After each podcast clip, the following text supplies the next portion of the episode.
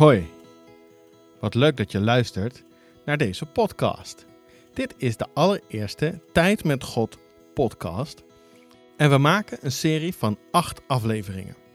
Als je deze podcast luistert op de dag dat ze online komen, dan volg je het ritme van de Stille Week. Dan beginnen we op de maandag voor Pasen. En zo werken we met elkaar toe naar Pasen en gaan we zelfs nog een dagje door op Tweede Paasdag. Tijdens deze Tijd met God podcast lezen we uit het Evangelie van Matthäus. En we lezen de laatste hoofdstukken van zijn Evangelie.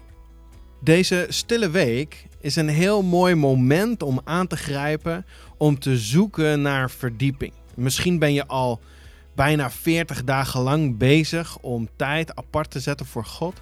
Heb je verschillende onderdelen in je leven gekozen om die te versoberen. En misschien ook nog wel helemaal niet. Hoe dan ook, deze week is een mooi moment om te kiezen voor verstilling en verdieping. En daar wil ik je bij helpen. Iedere dag lezen we een klein stukje met elkaar. En ik zou je willen aanraden, als we dat doen, om niet maar gewoon te blijven zitten waar je zit of te doen waar je al mee bezig was en dit op de achtergrond aan te zetten. Maar ik wil je aanraden om echt even een rustig plekje op te zoeken. Een plekje waar even niemand je stoort.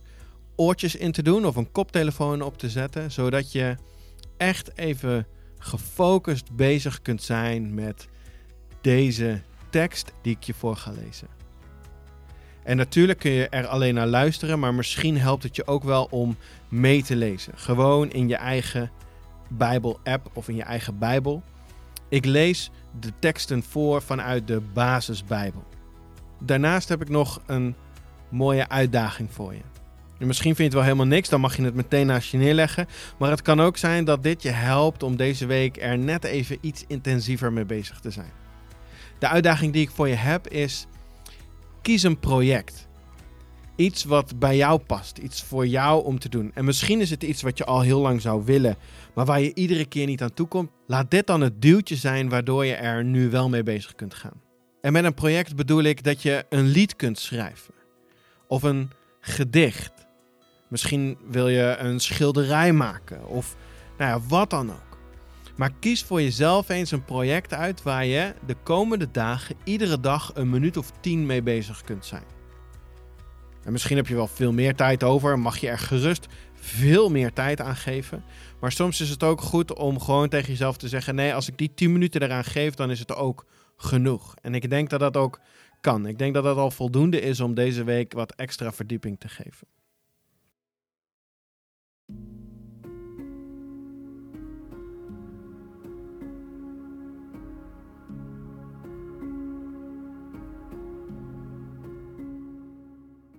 Heere God, we willen graag beginnen met u te vertellen dat we van u houden. We willen u danken dat we van u kunnen houden, omdat u eerst van ons gehouden hebt en nog steeds van ons houdt. Heer, we willen u vragen om met uw Heilige Geest aanwezig te zijn als we de teksten uit de Bijbel lezen. Zodat ze voor ons op een nieuwe manier mogen gaan leven. En dat we iets van de diepte van de woorden die in de Bijbel staan mogen gaan ontdekken. En dat ze invloed mogen hebben op ons eigen leven. Amen. We stappen in het verhaal van Jezus op het moment dat hij eigenlijk al bijna aan het eind van zijn leven hier op aarde is. Jezus is waarschijnlijk een jaar of 33 geworden. Toen hij 30 was, is hij begonnen met vertellen over het koninkrijk van God en is hij rond gaan reizen samen met een groepje leerlingen. En daar is hij nu zo'n drie jaar mee bezig. En drie jaar lang heeft hij allerlei mensen ontmoet. Hij heeft met heel veel mensen gesproken. Hij heeft heel veel mensen genezen. Hij heeft misschien wel nog meer mensen hun zonde vergeven. Met talloze fariseeën en schriftgeleerden gediscussieerd. En nu is Jezus naar Jeruzalem gekomen. In eerste instantie lijkt dat heel normaal, want hij viert het Joodse paasfeest. En daarvoor gingen er heel veel Joden naar Jeruzalem toe om dat feest in Jeruzalem te kunnen vieren. Maar Jezus is met een bijzonder doel naar Jeruzalem gekomen. Jezus weet dat het einde van zijn leven hier op aarde eraan zit te komen. En dan, vlak voor dat einde, op de, op de avond voordat hij verraden gaat worden door Judas, zit hij met zijn leerlingen nog één keer bij elkaar. En zij hebben een maaltijd met elkaar, een hele bijzondere maaltijd. Want de maaltijd die zij vieren, dat is de Pesachmaaltijd. En in die maaltijd vieren ze met elkaar dat ze geen slaven in Egypte meer zijn. Iets wat al in die tijd al meer dan duizend jaar geleden is geweest. Maar nog altijd vieren ze dat Pesachfeest om te, om te gedenken dat God het volk Israël bevrijd heeft uit slavernij in Egypte. Dat ze 40 jaar lang door de woestijn heen getrokken zijn en dat ze toen eindelijk het beloofde land ingenomen hebben. Jezus staat op het punt om dat feest met zijn leerlingen te vieren. Daarover kunnen we lezen in Matthäus 26 vanaf vers 17. Het paasfeest. Op de eerste dag van de ongegiste broden kwamen de leerlingen van Jezus vragen: Waar wilt u de paasmaaltijd eten? Dan gaan we alles klaarmaken. Hij zei: Ga naar de stad naar die en die en zeg tegen hem: De meester zegt: Het is mijn tijd. Ik wil met mijn leerlingen bij jou het paasfeest vieren. En de leerlingen deden wat Jezus had gezegd en ze maakten het paaslam klaar. Toen het avond was geworden, ging hij met de twaalf leerlingen aan tafel. Tijdens de maaltijd zei hij: Luister goed. Ik zeg jullie dat één van jullie mij zal verraden. Daar werden ze heel bedroefd over. En ze vroegen hem om de beurt: ben ik dat, Heer? Hij antwoordde: De man die tegelijk met mij zijn brood in de schotel heeft gedoopt, die zal mij verraden. De mensenzoon zal sterven op de manier die al van tevoren in de boeken is opgeschreven. Maar het zal slecht aflopen met de man die hem heeft verraden. Het zou beter voor hem zijn geweest als hij niet was geboren. Judas, de verrader, antwoordde: Ben ik dat, meester? Jezus antwoordde: Je zegt het zelf. Toen ze aan het eten waren, nam Jezus een brood. Hij zegende het, brak het in stukken en gaf het aan zijn leerlingen. Hij zei: Neem dit en eet het. Het is mijn lichaam. Toen nam hij de beker met de wijn. Hij dankte God ervoor en gaf hem aan de leerlingen. Hij zei: Drink hier allemaal van. Deze wijn is het bloed waarmee God een nieuw verbond sluit met de mensen. Mijn bloed wordt uitgegoten om de mensen te kunnen vergeven dat ze ongehoorzaam zijn aan God. Maar ik zeg jullie dat ik vanaf nu geen wijn meer zal drinken, totdat ik samen met jullie nieuwe wijn zal drinken in het koninkrijk van mijn vader. En nadat ze de dankliederen hadden gezongen, vertrokken ze naar de olijfberg.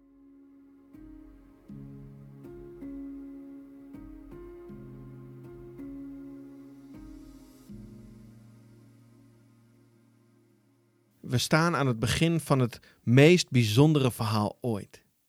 Jezus die is naar de wereld gekomen, heeft 33 jaar lang hier op de wereld geleefd en nu is het moment aangebroken dat hij zal gaan sterven.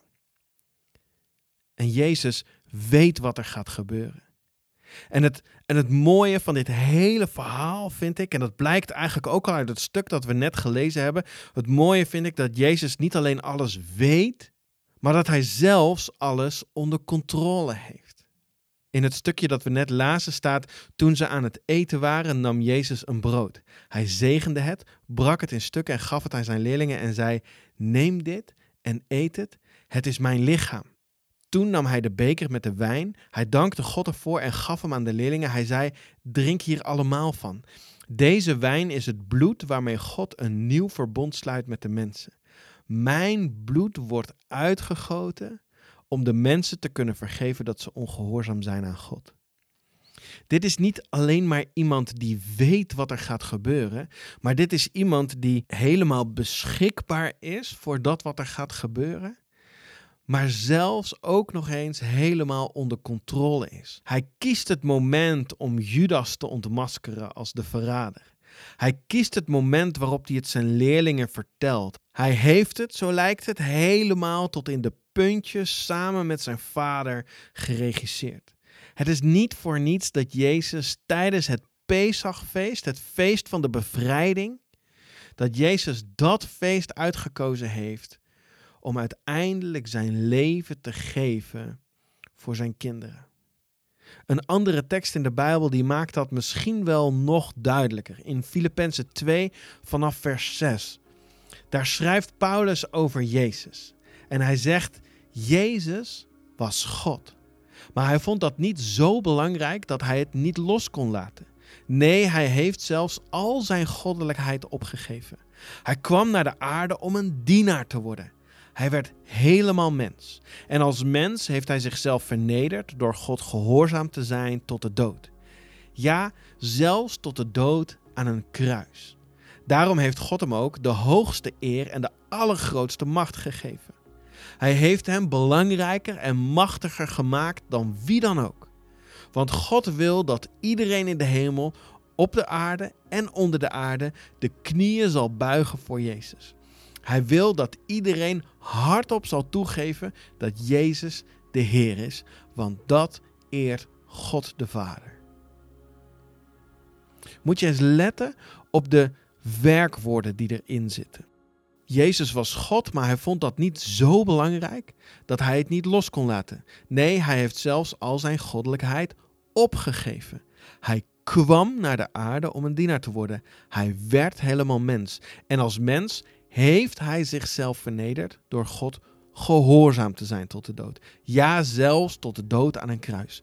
Jezus die geeft zichzelf. En wat we gaan lezen de rest van deze week, wat er nog meer gaat komen, is dat Jezus zich niet verzet. Dat hij eigenlijk alles wat op zijn pad komt, dat hij dat accepteert. Er is geen moment dat Jezus in verzet komt. Jezus is niet vermoord, maar Jezus die geeft zijn leven voor ons. En wat we gaan ontdekken de rest van deze week, als we de teksten gaan lezen, is dat er geen moment is waarop Jezus zich verzet. Er is één moment, daar gaan we morgen over lezen, waarin Jezus zijn vader vraagt: is er een andere manier? En als blijkt dat er geen andere weg is, dan gaat Jezus die weg volledig vrijwillig. Er is niemand die hem dwingt. Er is niemand die hem gevangen houdt. Ook al lijkt dat misschien wel zo. Er, er hoefde maar een moment te zijn waarop Jezus zei tegen zijn engelen dat ze hem moesten redden. En Jezus was gered geweest. Maar Jezus koos ervoor om zijn leven vrijwillig te geven voor jou en voor mij. Heer Jezus, we geloven dat u de naam heeft gekregen die elke naam te boven gaat. U bent belangrijker en machtiger dan wie dan ook. U bent gelijk aan God de Vader. U bent God de Zoon. En wat is het bijzonder dat wij uw kind mogen zijn. Heer Jezus, we willen u danken dat u voor ons deze weg gegaan bent. En als we deze week de teksten gaan lezen, dan willen we u vragen of u ze wil laten leven, zodat ze ons hart mogen raken. Dat we onder de indruk mogen komen van uw grootheid, van uw genade, van uw liefde. Neem ook eens de tijd om in je eigen woorden aan Jezus te vertellen hoe bijzonder je Hem vindt.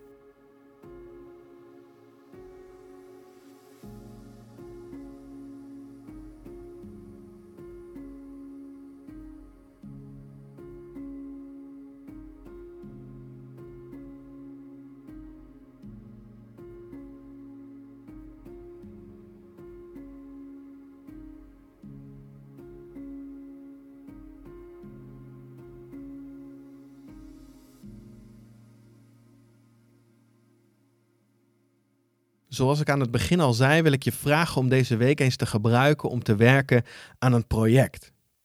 Misschien wil je wel een dagboekje bijhouden. Gewoon om de dingen op te schrijven die je in het bijzonder aangesproken hebben.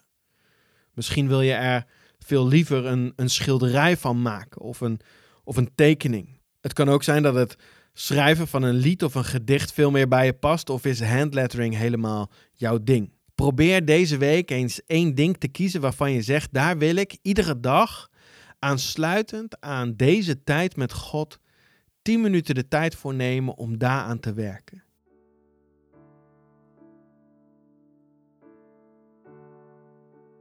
Iedere dag sluiten we deze tijd met God af door te luisteren naar een lied.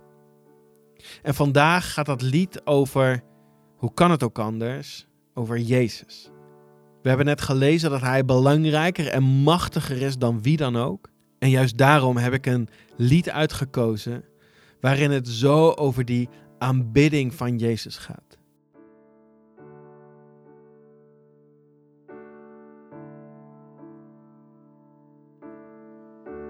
Ik verlang naar Jezus, kostbaar lang dat stier.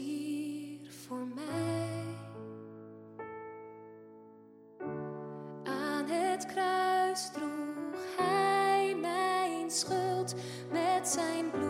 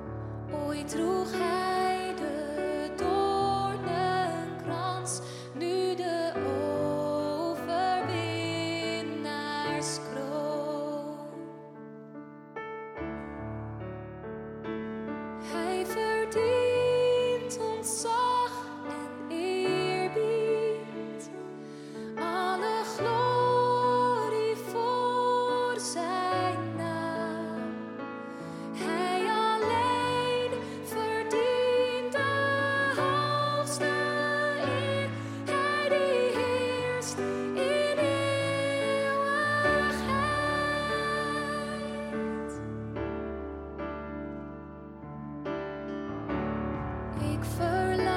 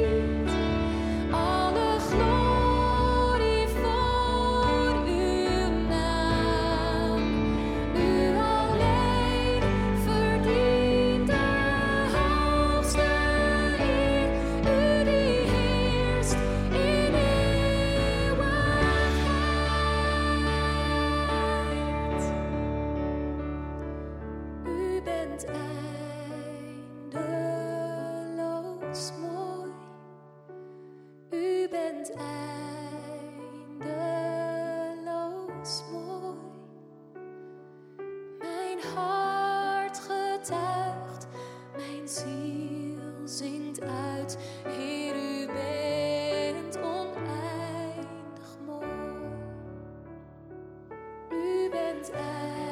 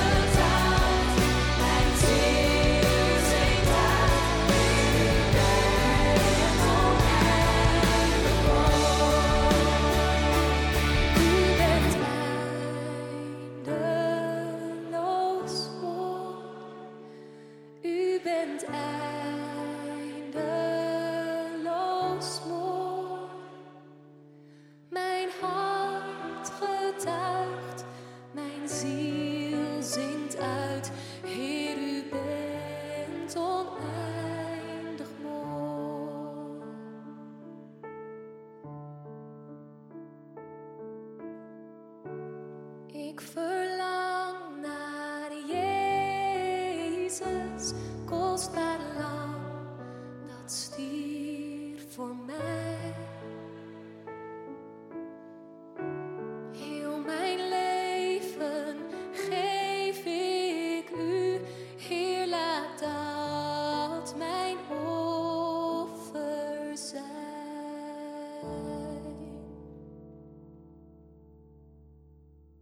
Dit was de allereerste tijd met God.